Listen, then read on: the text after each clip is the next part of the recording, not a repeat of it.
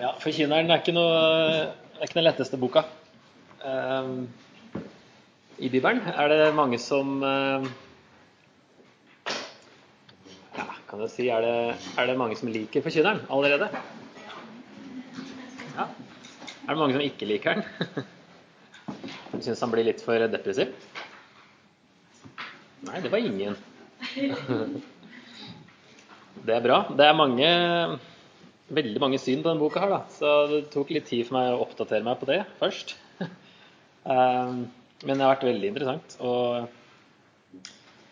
jeg skal prøve Vi skal ha litt om de forskjellige synene på ting da, til å begynne med. Men uh, prøv ikke å fokusere altfor mye på det, men heller på budskapet. Selv om det av og til henger sammen med disse andre tingene. Jeg begynner med noen eh, sitater fra ordspråkene. Alt strev fører vinning med seg. Tomt snakk gir bare tap. Det skulle da bety eh, jeg er garantert fortjeneste hvis jeg jobber hardt. Ingenting kan gå galt da. Eh, så er det et annet et. Doven hånd gjør fattig, men flittige hender gjør rik. Så hvis du er fattig, kan du ikke klage, du er bare lat. Det er Herrens velsignelse som gjør rik, eget strev legger ingenting til. Kan det bety at eh, hvis jeg er uærlig og blir rik, så er det likevel Guds velsignelse? Siden all rikdom kommer fra Gud. Vil du også si at alle rike er velsignet av Gud, og ingen fattige er velsignet av Gud? Hvis det ordspråket eh, er sant. Og eh, betyr det også at Gud liker Norge bedre enn alle u-land? Sier ordspråkene også at å være ydmyk og frykte Herren gir rikdom, ære og liv. Det vil jo da kanskje si at hvis noen dør tidlig, så var grunnen at han ikke fryktet Gud. Hvis vi snur det litt. Men etter ordspråkene, når du er ferdig med de i Bibelen, så kommer det faktisk til forkynneren. Som eh, plutselig sier litt eh, ting som ikke stemmer kanskje helt med det du akkurat leste i ordspråkene.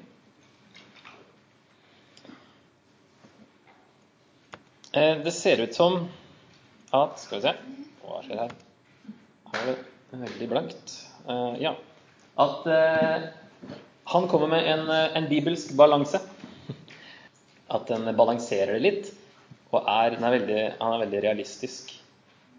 Så han, egentlig ikke en korreksjon til ordspråkene, men en korreksjon mot å lese for mye inn i dem og dra dem for langt. Kanskje han prøver å korrigere en holdning av å prøve å manipulere Gud, med at de da kanskje trodde man kunne forutse hva Gud kom til å gjøre, basert på sånne visdomsord som vi finner. Altså Hvis ordspråkene var gjeldende for alle situasjoner i livet, så hadde vi jo hatt noen problemer teologisk. F.eks.: Hvorfor må UiO-ere og andre som eh, vil gjerne jobbe for Guds rike, de ofte sliter litt økonomisk? Det skulle jo ikke være bibelsk.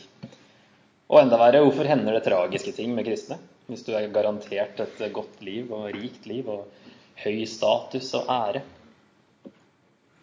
Så, men det sa kanskje Heidi òg, tror jeg, at ordspråkene ikke er løfter men det er mer prinsipper på hvordan ting generelt går i livet. Eh, det er ikke garantert, det som sies, men det er sånn går ting 90% av livet. Og så har du Forkynneren og Jobbsbok som sier hvordan det går i de andre 10% Når ting ikke helt funker sånn som ordspråkene legger opp til, eller ser ut som. da. Nå heter denne boka 'Forkynneren', og jeg ser faktisk akkurat nå her at i den nyeste oversettelsen står det Kohelets bok ved siden av. Det har det ikke stått før, tror jeg, i biblene. Er det noen som har sett det? Det står en fotnote til hva det betyr her. Den hebraiske teksten har ordet kohelet, som kanskje er avledet av ordet for forsamling. Og derfor kommer da forkynneren av det. Men det ordet Kohelet betyr jo egentlig faktisk en, en, samler. Samleren. Og det er det da spørsmålet Samler han folk, sånn at det blir en forsamling, og at han er en forkynner? Eh, På gresk heter den da eklesiastes, det heter noe på engelsk også. Og det er jo Eklesia betyr jo menighet, og da kirke, også samme ordet. Eh, så da blir en forkynner sånn foran en forsamling. Det er da, ja, det sto jo for så vidt i fotnoten akkurat her, at han Det er jo sånn logikken her. En samler. Eh, er det en forsamling, da er han en forkynner. Eh, eller er det at han samlet faktisk observasjoner eller visdom i stedet folk. Men det ordet brukes alltid om at folk samles, da. Men i Bibelen. Men selve ordet betyr en som samler. Så om dere syns Altså, han er jo det fjerneste vi kommer fra en forkynner, egentlig. det sånn, mange andre bøker som burde hett det mer enn akkurat denne her. Eh, så derfor, hvis dere lurte på det, så har det da av dette her. Men selve ordet brukes aldri om å forkynne. Så det er en sånn man tenker at det kanskje kan være noe sånt. Og så er det da det begynner jo med å si ord av forkynneren, sønn av David og konge i Jerusalem. Og så sier han senere at han eh, fikk mer eh, I vers 16 står det jeg har vunnet større visdom enn noen som hersket i Jerusalem før meg. Han var veldig vis, og han var sønn av David. Og vi tenker selvfølgelig på Salomo. Eh, nå nevnes jo aldri Salomo i teksten her. Han sier, han sier nesten at han er Salomo, Salomon, sønn av David, konge i Jerusalem, men han sier jo ikke noe mer. Er det med vilje at han eh, det egentlig ikke er Salomo? Det er ikke ubibelsk å tro at det ikke er Salomo når det ikke står noe sted. Så eh, det er greit. um, og så sier han nettopp dette her da, at han hadde mer visdom enn noen eller alle som har hersket i Jerusalem før meg. Hvor mange var det som herska i Jerusalem før Salomo? Det var egentlig bare David. Saul herska ikke i Jerusalem. Han sier 'alle i Jerusalem før meg'. Så er det én person. Det er litt rart. Men samtidig så er det samme uttrykket brukt i krønikebøkene. Det står at, uh, om Salomo at Herren ga ham kongelig makt som ingen konge i Israel hadde hatt før ham. Da kan du ha med Saul også, hvis det er konge i Israel som ikke er Jerusalem. Men likevel, da er det to, men likevel her alle før. Det er ikke så stort, liksom, hvis det er um, bare to. Men det er litt rart, for det er en annen type litteratur igjen. Det er en historiebok, så det, det er et merkelig uttrykk. Så kanskje vi ikke kan legge altfor mye i det. Men uh, det er andre ting nå som kanskje tyder på at det kanskje ikke er Salomo. da. Uh, det er egentlig bare kapittel 1 og 2. Han høres ut som en konge. Etter det så forsvinner det litt ut. Da er det ikke så viktig lenger. Uh, og som konge kunne han ha endra på noen av de tingene som han klager over. Eh, og mange steder så høres det ut som han eh, Han snakker jo om hvordan man skal behandle kongen, eller svare kongen og litt sånne ting. Og han høres ikke ut som han er liksom helt der oppe da. Mer enn som er litt lenger ned og ser folk blir undertrykket og, og sånne ting. Og helt til slutt i kapittel 12 så kalles han også en vismann og ikke en konge.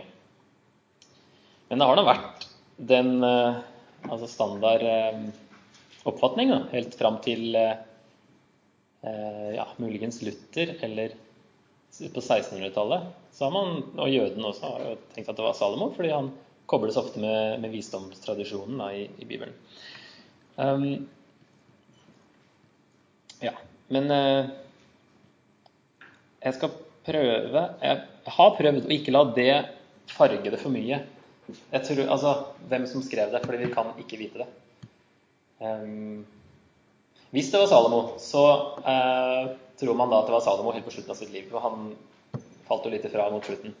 Og at han faktisk er litt oppgitt og frustrert her. Uh, og at han da egentlig blir et dårlig eksempel. At denne boka er et dårlig eksempel. Blir det jo nesten da.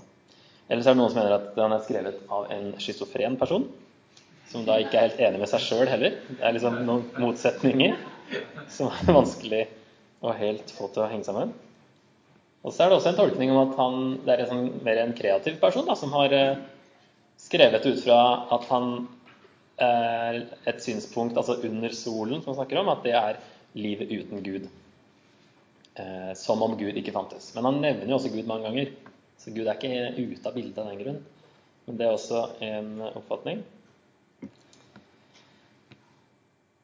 Ja, Men Salomo nevnes ikke. Han nevnes jo ordspråkene, høysangen og også et par salmer. Så det er liksom ikke noe grunn til å utelate navnet hans.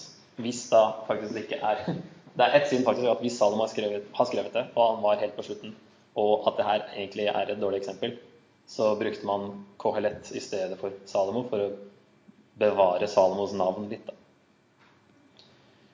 Um, ja, men flertallet, tror jeg, i dag tror at det er skrevet av en annen enn Salmo. Og at det var også vanlig i annen, annen litteratur å, å, å, gjøre det. Altså hinte litt i retning av en uh, kjent person, da. Men hvorfor gjør han det? Hvorfor hindrer han om Salomo? Hva er vitsen med det? Um, to, Den vanligste, vanligste argumentet for det er at uh, for å vise at selv ikke Salomo ville kommet fram til noe annet resultat med alle sine ressurser og muligheter som konge, den viseste, rikeste, største kongen. Selv ikke han ville ha fått noe mer ut av livet enn eh, forfatteren. Eh, et annet eh, poeng er muligens at det de han skriver til, var veldig sterkt påvirka av Salomos ordspråk. Så om det er Salomo sjøl, så korrigerer han en overdreven bruk av ordspråkene. Eller han er oppriktig frustrert. Eller hvis det er noe annen som skriver det, så er det kanskje lenge etter Salomo. Ehm, selve hebraisken det er jo det de ofte argumenterer ut fra, at det er en sen hebraisk, som de sier, med mange lånord fra arameisk og sånt. sånn at det, det eh, tyder på ettereksilsk tid. Da. da er vi jo på 400-tallet. Tidlig 500, kanskje. Eh, men så er det andre som sier at eh, Salomo hadde mye kontakt med fønikerne, og det kan skyldes eh, fønikiske lånord og sånn. Så, men de fleste mener nok at det er en sen type hebraisk, og derfor det, tror jeg at det ikke er Salomo. Um, ja. Nå skal vi faktisk begynne helt bakerst med det som da ofte kalles epilogen. Det er fra, Her står det 'sluttord' som en overskrift i 12.9. Jeg har teksten her hvis du vil se opp. Forkynneren var ikke bare vis, han ga også folket kunnskap. Han grunnet og gransket og formet mange ordspråk. Forkynneren la vind på å finne gode ord og vendinger og skrev ned det som er rett og sant. Ord av vismenn er som brodder, fyndord i samling er som nagler festet av en gjeter. Men ellers, min sønn, ta deg i vare. Det er ingen ende på de bøker som skrives, og mye gransking gjør kroppen trett. Dette er summen av alt du har hørt. Frykt Gud og hold Hans bud. Dette gjelder for alle mennesker. For Gud skal dømme hver gjerning, holde dom over alt som er skjult, enten det er godt eller vondt. Og Så er det da selvfølgelig nye spørsmål om denne epilogen. Ikke bare én forfatter, mener man da. Eh, for her snakkes her og helt i begynnelsen så er forfatteren Han sier forkynneren i tredjeperson, mens resten av boka er jeg. ikke sant? Bortsett fra midt i et sted, sju, slutten av sju, så er det plutselig forkynneren i tredjeperson igjen som bare dytta inn det. I 7.27. Se, dette fant jeg, sier forkynneren. Det er plutselig litt rart at det kommer der. Um, så det er altså sånn Ok, er det to personer? Er det en opprinnelig forkynneren-bok som er veldig skeptisk og negativ, og så er det noen som har prøvd å liksom rette det opp litt med en epilog på slutten? Uh, jeg tror det, altså Jødene diskuterte litt den boka her. Den var aldri sett på som uh, ubibelsk, men de lurte litt på hvordan de skal tolke den. Uh, og da tror jeg det en periode i hvert fall var Flertallet mente at den epilogen redda boka litt. da at den ble teologisk eh, ortodoks helt på slutten. Eh, så spørsmålet her er er det den samme person som resten av boka, eller er det en redaktør som prøver å redde boka litt? Er det en redaktør som er enig med budskapet, men som kommer med en liten korreksjon? Det er ett syn. Eh, er det en redaktør som er fullstendig enig med budskapet? Eller er det en redaktør som er enig, men som prøver å forhindre at budskapet blir misforstått? Veldig mange sånne variabler om denne boka her, og da alle de har sånne undervariabler igjen. Så det, jeg tenkte jeg skulle lage en presentasjon bare på det, men tenkte jeg at det tar altfor lang tid og blir egentlig ikke så fruktbart. Eh, men jeg eh, det hjalp meg litt, da. Og jeg landa i hvert fall på noe når jeg studerte epilogen her. Med resten av boka og hvor, hvordan den skal tas, om den skal tas skeptisk eller, eh, eller ikke. Um, vi ser i hvert fall her at um, Skal vi se Han sier at Ja, uh, der kom det to stykker på en gang. Innholdet i boka er rett og sant, har jeg skrevet. For det står i vers 10 at forkynneren eh, skrev ned det som er rett og sant. Siden det er skrevet ned, så er det rett og sant. Det sier i hvert fall han på slutten her, så han må være enig i det. Eh, og så sier han at eh, ord av vismenn er som brodder. Det er jo, brodder er jo sånn litt de stikker, ikke sant? Det er sånn de brukte for å få dyra til å gå i riktig retning. Så nå er liksom alle de vanlige menneskene, de er dyr. Og vismennene var liksom de som prøvde å guide folk. Så ser det ut som han sier at det kan svi litt med sånn visdom, men at den får folk på rett kurs. Sånn som da annen bibelsk visdomslitteratur, som han sier eh, visdom generelt. Ord av vismenn er som brodder. Fyndord er et morsomt ord, da. Det er jo, jeg trodde liksom det skulle oppdatere språket litt i den nye oversettelsen. Jeg har ikke hørt fyndord brukt så mye. Det betyr egentlig bare ordspråk. At det er som nagler festet av en gjeter. Her eh, måtte jeg eh, grave litt. Um, skal vi se Hvor har vi Jeg tror det kommer litt lenger ned. Han sier i hvert fall da at uh, dette med ja, denne gjeter Det står faktisk um, ofte 'shepherd' med stor S i engelske bibler. Og i denne King James 97, Bibelen Guds ord, så står det én hyrde, til og med med stor E. Uh, og i 88-oversettelsen 'den ene og samme hyrde'. Det er kanskje ikke bare en hvilken som helst gjeter det er snakk om. Uh, og så står det faktisk Her står det jo i norske så står det at de naglene er festet av en gjeter. Men så står det faktisk hebraisk der det egentlig at det er gitt av en gjeter. Og det ser ut som han refererer tilbake til visdommen, ikke til naglene. At visdommen er um, Ord av vismenn er som brodder. Fyndord i samling er som nagler. Gitt av en gjeter. At visdommen er gitt. Det er ikke naglene som er festet. Og at det kommer av en, fra en spesiell gjeter. Så jeg har konkludert med at den, han fikk denne visdommen fra Gud, sånn som de andre vismennene, i, eller de som skrev visdomslitteratur, som nå er i, i Bibelen. Og siste, etter han har sagt dette, så sier han Men ellers, min sønn, Ta deg i vare. Det er ingen ende på de bøker som skrives, og mye gransking gjør kroppen trett. Ellers enn hva da? Jeg tror han mener eh, Bortsett fra den bibelske visdommen. Bortsett fra det, så skal du være forsiktig. Det er veldig mange tanker der ute. Veldig mye synsing og annen visdom. Men ta deg i vare, for er, de er ikke gitt av denne samme gjeteren. Eh, på engelsken i SVI så står det i hvert fall 'anything beyond these'. Så de tolker det som, som denne visdommen. Eller disse visdommene i flertall.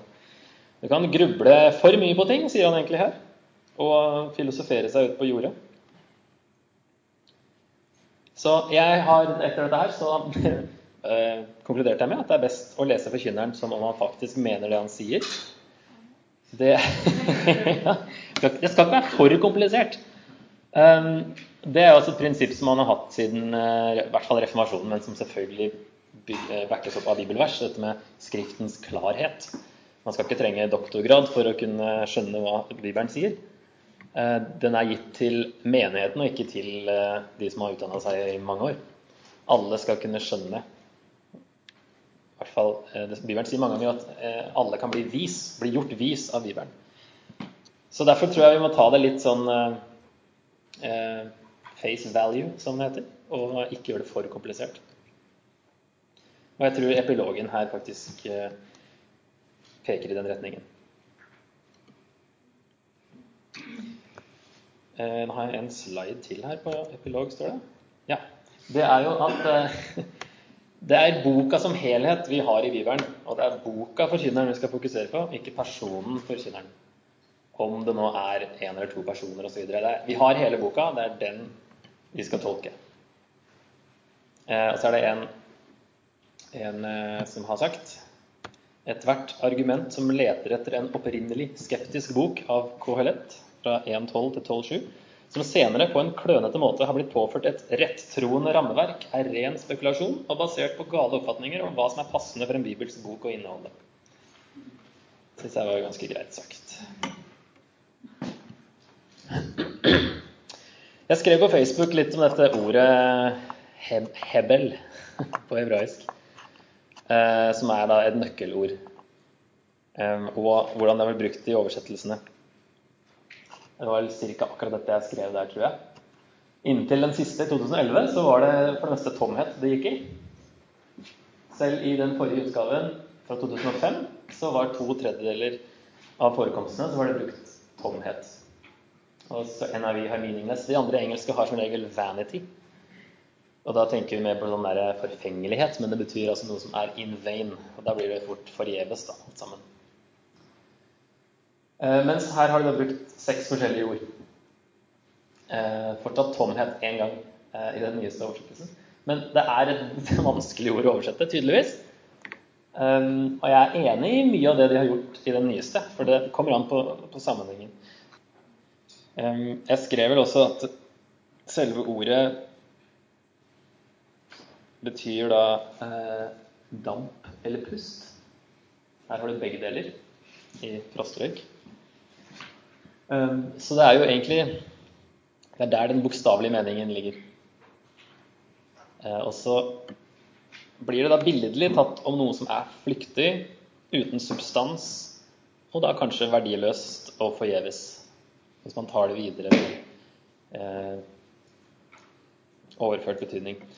Det brukes også om avguder i eh, Gamle testamentet, for de er eh, tomhet og forgjeves.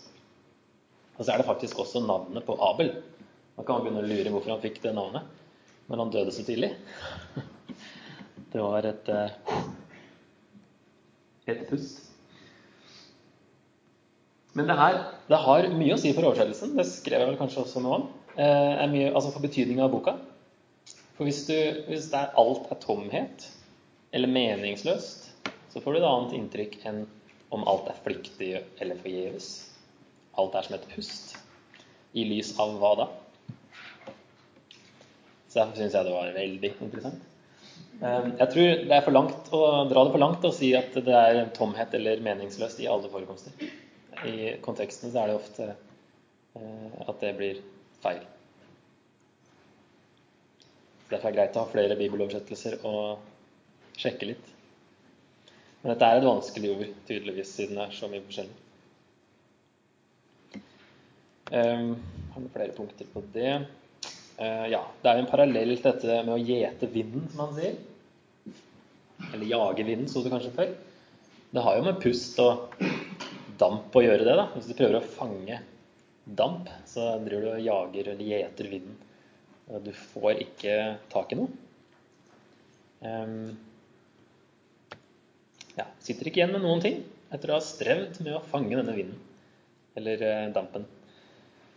Så det, jeg tror jeg skrev alt dette på Facebook. Men at det, det ser ut til at uh, ja, det betyr noe som ser ut til å ha substans, men som lurer deg og er umulig å få tak på før det er borte. Det er da han går gjennom veldig mange ting. Prøver ut alle forskjellige ting. Er dette eh, poenget? Og så er Nei, det var også damp og pust og meningsløst i den store sammenhengen. Ut fra et evighetsperspektiv så sier han at det er meningsløst.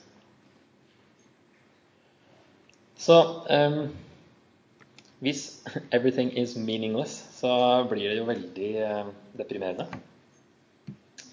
Uh, men hvis da 'keep calm and focus on the insubstantial' Hvis det er Bare slapp av. Alt er ikke meningsløst. Ta heller å fokusere på at det er uten substans. Blir kanskje en bedre eh, tolkning. Og han bruker det ordet ganske mange ganger om eh, ting som er da hebel, som det heter. Han sier jo hele begynnelsen at alt Konklusjonen gis med en gang. Alt er forgjeves. eh, og så Han gjør ofte det. Han kommer med konklusjonen før. Altså, ja, og så prøvde jeg det. Det var også forgjeves. Og så kommer det liksom gangen i det, da. Hvordan han kom fram til det. Men han gir ofte konklusjonen helt først. Så hver gjerning, glede, nytelse, bachelorsuksess, visdom, det å overlate sitt livsverk til en annen, menneskenes strev, dyr og mennesker, viktighet som kommer fra misunnelse, det å jobbe seg rik uten å ha familie, en skuffende konge, umettelig pengejag, ikke kunne nyte rikdommen, prøve å stille sjelens begjær. Mange ord, sier han. Jo flere ord, jo mer hevel. Jo mer meningsløst. Litt interessant om han sier det ca. midt i boka si, liksom. Så kommer det en halv bok til. Menneskenes dager, sier han. Dårens latter. At de rettferdige glemmes, mens de urettferdige huskes. At de rettferdige får det de urettferdige fortjener, og motsatt. Alt som kommer i fremtiden. Og barndom og ungdom.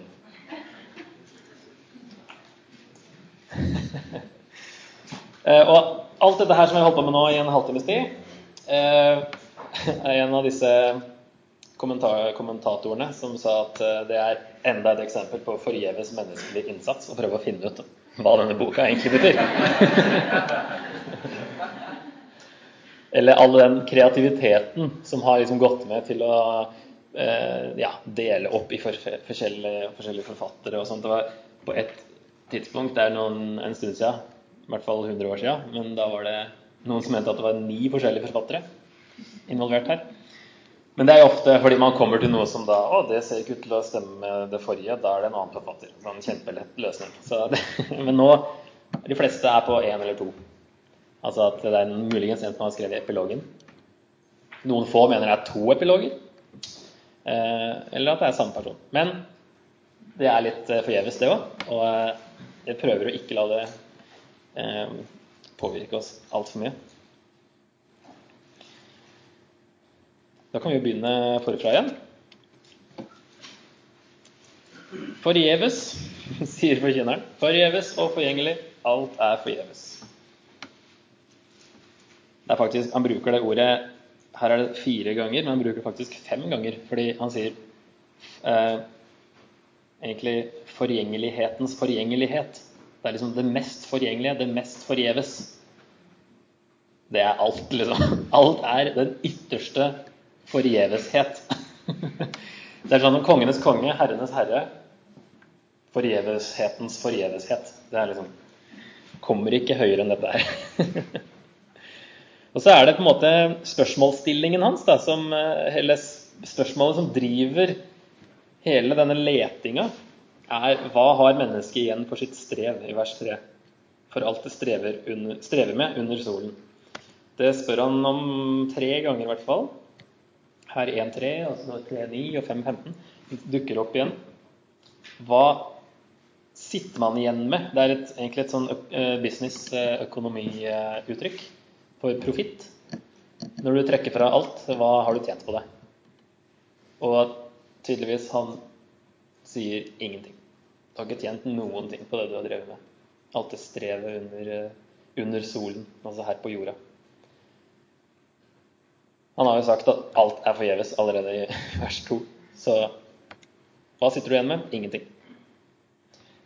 Og så er liksom resten av boka hvordan han kom fram til den konklusjonen.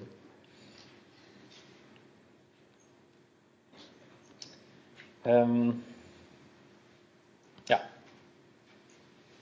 skal se etter hvert hvorfor han konkluderer sånn. Eh, det som kommer etterpå da, er eh, det er aldri noe nytt under solen. Det er jo et uttrykk vi bruker ofte. Det er sånn, Dette har vi sett før. Det er aldri noe nytt under solen. Det sier jo han nå, ikke sant? og han bruker, eh, snakker om at sola går opp, og sola går ned i vers 5 her. Så lengter den tilbake til stedet der den går opp. At liksom, Det skjer ikke noe nytt med sola, den gjør det samme hver dag. Så i vers 7 så er det alle, alle elver renner ut i havet, men havet blir ikke fullt. Dit elvene før har brent, fortsetter det å renne. Alle ting går sin strevsomme gang. Menneskets ord strekker ikke til. Øyet blir ikke mett av å se, og øret blir ikke fullt av å høre. Det som har skjedd, skal atter skje, og det som ble gjort, skal gjøres på nytt. Intet er nytt under solen. Blir det sagt om noe 'se, dette er nytt', har det likevel hendt i tidligere tider, lenge før oss. Ingen minnes det som før har hendt, og det som skal komme, vil heller ingen minnes før slektene som følger. Um, jeg tror ikke han mener at det aldri skjer noe nytt, men det er generelt sånn som vi kanskje bruker det uttrykket, at nei, det er ikke noe Dette er ikke noe Sånn har det vært lenge. Um, men han bruker da sola, vinden og vannet her, at de arbeider og strever hele tida, men de kommer aldri noen vei, de heller. Dette er en slags innledning til når det begynner i vers 12. da. Men uh, ja, Så han bruker liksom litt skaperverket av det også, bare strever, men kommer ingen vei. Eh, men at det er en, ja, en generalisering av verden. Eh, og han sier jo Jeg tror ikke han tror at det aldri skjer noe nytt. Men, men det kan hende at hvis han nå levde i denne ettereksilske tida, på 400-tallet kanskje, eller kanskje senere, og da er vi jo inne i det som kalles de 400 stille år, som er imellom GT og NT, som vi ikke har i våre bibler, hva som skjedde da. Eh, da må du gå til apokryfene og lese litt i Makaberbøkene f.eks. Men eh, der står det jo at de Makaberbøkene sier jo sjøl at eh, dette skjedde da det ikke lenger sto fram noen profeter. Og det var liksom Gud, var Gud som var stille da, i 400 år. Så når døperen Johannes eh, står fram, så er det plutselig Oi, nå, er jo, nå kommer det profeter igjen. Nå er ånden aktiv. Dette var noe nytt. Men kanskje på den tida her så har det gått såpass lang tid hvis det er skrevet så sent, da, at muligens folk begynte å miste litt eh, trua på at Messias kom til å komme. Eh, og at det da liksom Det skjer aldri noe nytt, og livet er det samme. Eh, det var absolutt ikke noe stille periode, men Gud sa ikke så mye. Sendte ikke noen profeter. Eh, det var en, I dagen, i avisen Dagen for ikke så lenge siden så var det en som skrev at han var forundre over at mange kristne ikke venta Jesus tilbake i sin levetid. Før så var det kanskje mye mer 'han kommer når som helst', og nå har vi liksom roa oss litt på den. Lenge til. Sikkert ikke mens jeg lever. Um, ingen som vet, men kanskje vi er litt slappe på akkurat den. Muligens det var noe sånn lignende i lufta på denne tida. At tilværelsen føltes litt monoton, og at det ikke skjedde noe stort. De bygde opp igjen tempel òg etter eh, at de kom tilbake fra Babylon, men de som hadde sett det første tempelet, eh, de gråt eller noe da de så det mye, for det var jo så stusslig. Det var jo ingenting. Så var, ting var ikke så stort som før. Så eh, skal vi se, Da hopper vi til neste kapittel.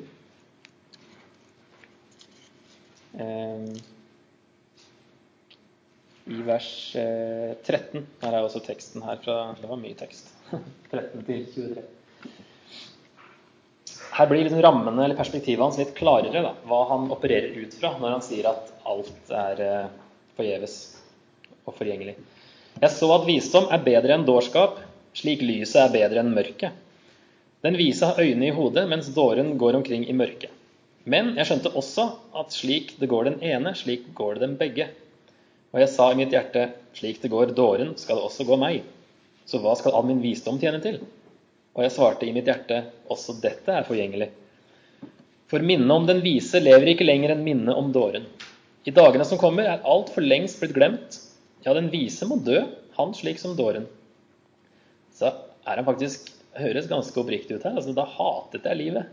For alt som skjer under solen, plaget meg. Alt er like forgjeves som å gjete vinden. Han var jo en vis mann, og så fant han ut at visdommen var uten mening, egentlig, den også. Den var forgjeves. Så det er kanskje litt sånn identitetskrise. Når det du liksom har hengitt deg til, plutselig er bare tomhet. Jeg hatet alt jeg hadde strevd og arbeidet med under solen. Alt må jeg overlate til den som kommer etter meg. Han har sikkert Pga. han har vært vis, da, så har han kanskje klart å også blitt rik. Og så skjønner han at det her må jo også gå til en annen. Hvem vet om det blir en vis eller en dåre som skal herske over det jeg har vunnet med, min, med mitt arbeid og min visdom under solen? Også dette er forgjeves. Da ble jeg grepet av fortvilelse i mitt hjerte over alt jeg har arbeidet og strevd med under solen. For en mann kan vinne mye med visdom, kunnskap og dyktighet, men må likevel gi det i arv til en annen som ikke har hatt noe strev med det. Også dette er forgjeves. En ulykke er det. Hva har mennesket igjen for alt sitt arbeid, alt hjertet jager etter, for alt det strever med under solen? Alle menneskets dager er fulle av smerte, og alt det driver med, bringer sorg. Ikke engang om natten faller hjertet til ro. Også dette er forgjeves. Han sier generelt så er visdom bedre enn dårskap, sier han helt i begynnelsen her. Sånn som lyset er bedre enn mørket. Det har sine fordeler. Men så skjønner han nå at alle dør jo. Uansett. Den vise dør jo akkurat som dåren dør. Det har ikke noe å si, egentlig, i uh, evighetsperspektiv. Og selv ikke minnet om den vise varer lenger enn minnet om dåren. Man husker ikke en vis mann lenger enn en dåre, sier han. Så døden kommer og vil ta alt han har strevd og arbeida med. Og det vil gis til andre. Så han blir fortvila, og han hater livet.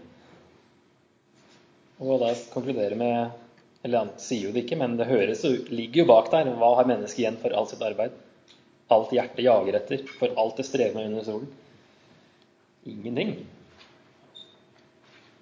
Så han innser at uh, døden er det eneste sikre vi vet i livet. At alle kommer til å dø. Og det er det som er den ytterste grensa han opererer ut fra. I lys av døden, i lys av evigheten, så har egentlig alt vi driver med under solen her på jorda, har ikke Altså det er forgjengelig fordi det ikke varer evig. Det er som et pust i evighetsperspektiv. Og så fant vi selvfølgelig varianter av dette her da, på nett. Ting som er garantert i livet. Taxes, death, idiots on the internet. Det var den største biten. Er nå i våre dager, kanskje. Uh, Tommy og tigeren. If you're just going to die, what's the point of living? Og så blir de bare sittende der.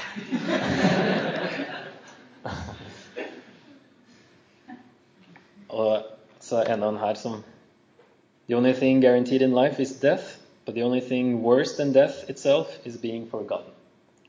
Som han også sier her at Minnet om den vise lever ikke lenger enn minnet om dåren. Så nå er vi liksom på et low point her.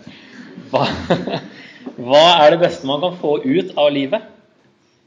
Og da kommer det disse er flere ganger han kommer med sånne såkalte 'grip dagen'. Ingenting er bedre for et menneske enn å spise og drikke og unne seg gode dager midt i alt sitt strev. Men jeg fikk se at også dette kommer fra Guds hånd. For hvem kan spise og være glad uten at det er gitt av ham? Når alt er forgjeves og bortkasta og kortvarig, så har ikke livet noe mer innhold her og nå enn det gode du har. Du må passe på å nyte det mens du har det. Det er ikke hele svaret, men det er en del av det. Hvis vi nå tar han eh, oppriktig. Høres jo oppriktig positivt ut her. Um, nyt livet underveis før døden kommer og alt er over. Så selv om Gud har gitt Han sier jo i begynnelsen at vi har eh I vers 1.13 Det er et ondt strev Gud har gitt menneskene å plage seg med.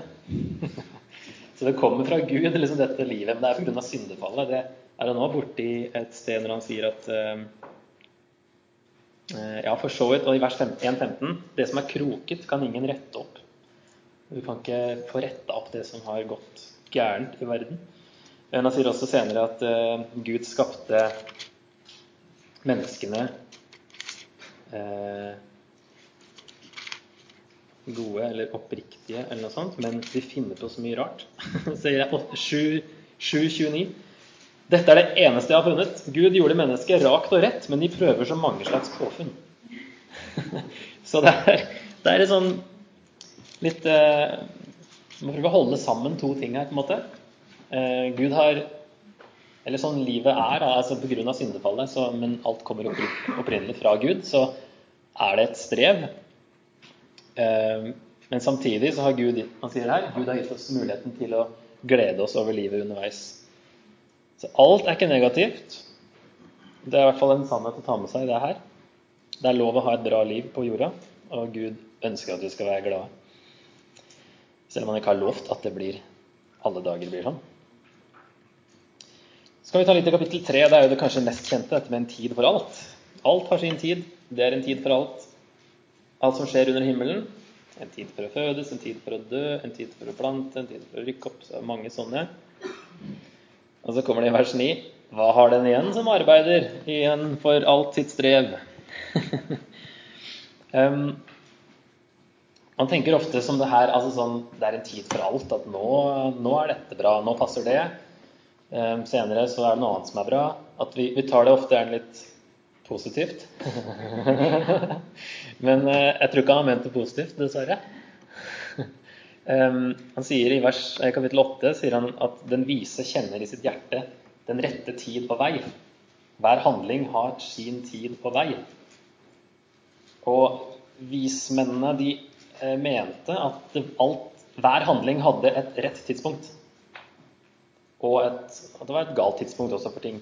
Og de prøvde veldig hardt å finne ut når var det riktig å gjøre sånn, og når var det riktig å gjøre sånn.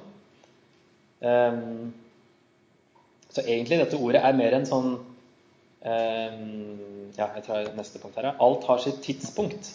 Og det er en fastsatt tid for alt. Og da blir det litt sånn der, Hvordan skal vi vite det, da? Skal, hvordan kan vi vite når vi skal gjøre riktige ting? Um, det fortsetter litt nedover når han sier da i uh, vers 11 Alt skapte han vakkert, hver ting til sin tid. Ja, alle tider har han lagt i menneskenes hjerte. Der står det vanligvis evigheten. Inntil nylig så sto det evigheten har han lagt ned i menneskenes hjerte. Likevel kan ikke mennesket fatte det Gud har gjort fra begynnelse til slutt. Um, ja, nå hadde jeg det her, ja. Uh, Alle tider uh, har jeg satt i klammer, fordi jødene de tenkte ikke sånn det er egentlig, Dette med evighet er et gresk konsept. Og på hebraisk så er det egentlig bare lang, uoverskuelig framtid. Det kan både framover og bakover. Det samme ordet. Derfor, når det står sant, i loven at Eh, F.eks. Moseloven skal eh, være en evig forskrift osv. Så, videre. så eh, er det ikke sånn evig sånn infinity det er snakk om, men lenge, lenge, lenge, lenge. lenge. Så derfor er det ikke noe selvmotsigelse at den ikke gjelder lenger på samme måte. Um, ja. Så det er en uh, lang, uoverskuelig tid. Um, Han sier jo at likevel kan ikke mennesket fatte det Gud har gjort fra begynnelse til slutt, selv om vi har en sånn Vi, vi et Vi vet på en måte hva evighet er, da. Uh, likevel så skjønner vi ikke hvordan ting henger sammen.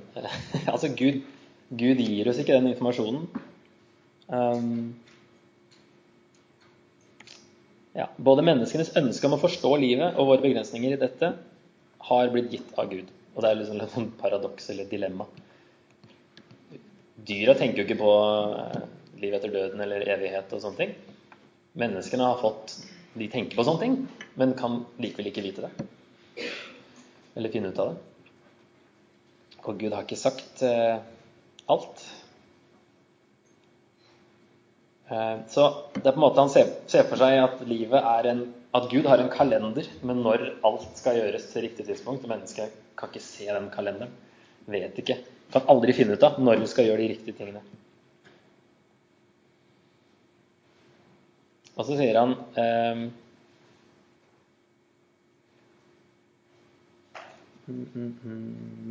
det, Hvor er det det her? Skal vi se Nei, det kommer senere. Ok. Var det en hånd? Nei. Jeg så inni Innbilte meg det. Um, etter dette verset så kommer da en sånn grip dagen igjen. Grip dagen nummer to.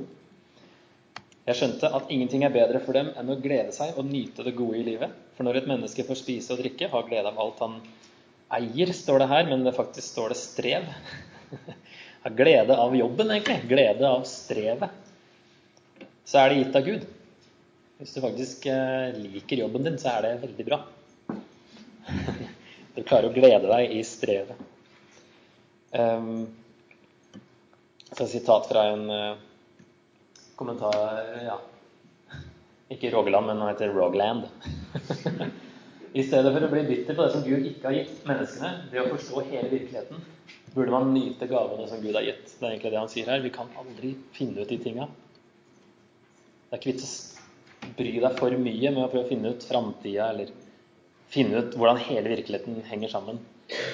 I fysikken snakker man jo om denne a theory of everything. er liksom det man strever etter. Skal finne ut, Komme fram til en teori som klarer å forklare alt. Og han ville sagt, han forkynner her, det klarer vi aldri. Og så er det vers 14. Han sier da eh, Jeg skjønte at eh, Ja, jeg har det her også. Jeg skjønte at alt Gud gjør, står gjennom alle tider. Det er det samme uttrykket igjen, tror jeg, som alle, altså som evighet. Ingen kan legge noe til, ingen kan trekke noe ifra. Gud har gjort det slik for at menneskene skal ha ærefrykt for ham. Her sier han da ok, alt menneskene gjør, er forgjeves og forgjengelig. Alt Gud gjør, er evig. Og Det er jo en sånn stor kontrast, da. Eh, alt menneskene gjør, er forgjengelig. Alt Gud gjør, varer evig. Muligens det er et lite hint her om at Gud er nøkkelen til å komme seg ut av det forgjengelige, som han etter hvert lander på på slutten.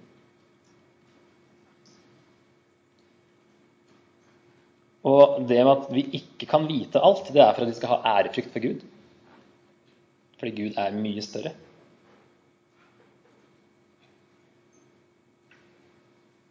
Det snakker ordspråkene om også. At uh, frykte Gud, Guds frykt, er uh, det man starter med.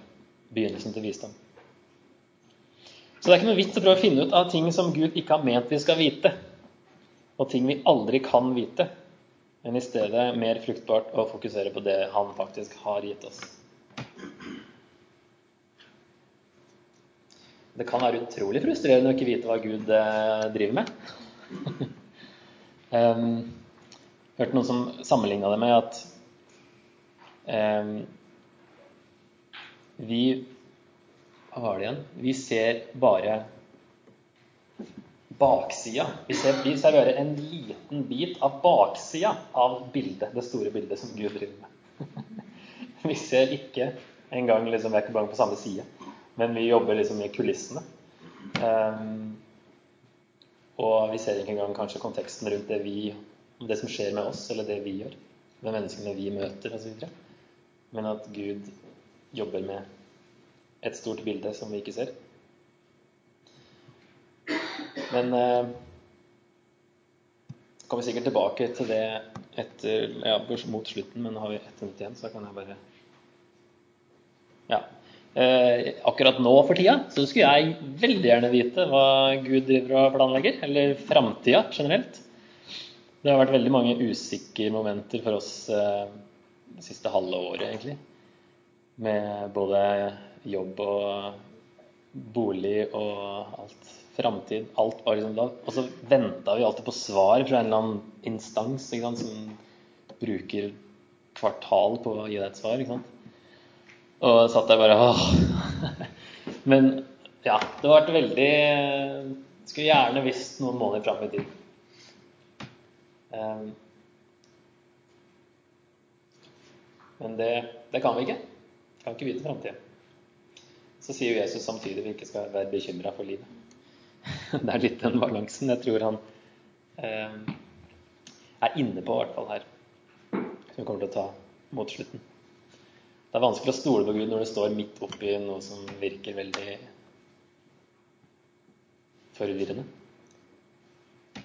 Forhåpentligvis kan du se tilbake senere og se eh, større bilde. Men eh, når du står midt oppi det, så er det ikke noe særlig gøy. Eh, ja. Nå slutter jeg på en skikkelig sånn depressiv. Veldig i tråd med boka akkurat nå. Før pausen.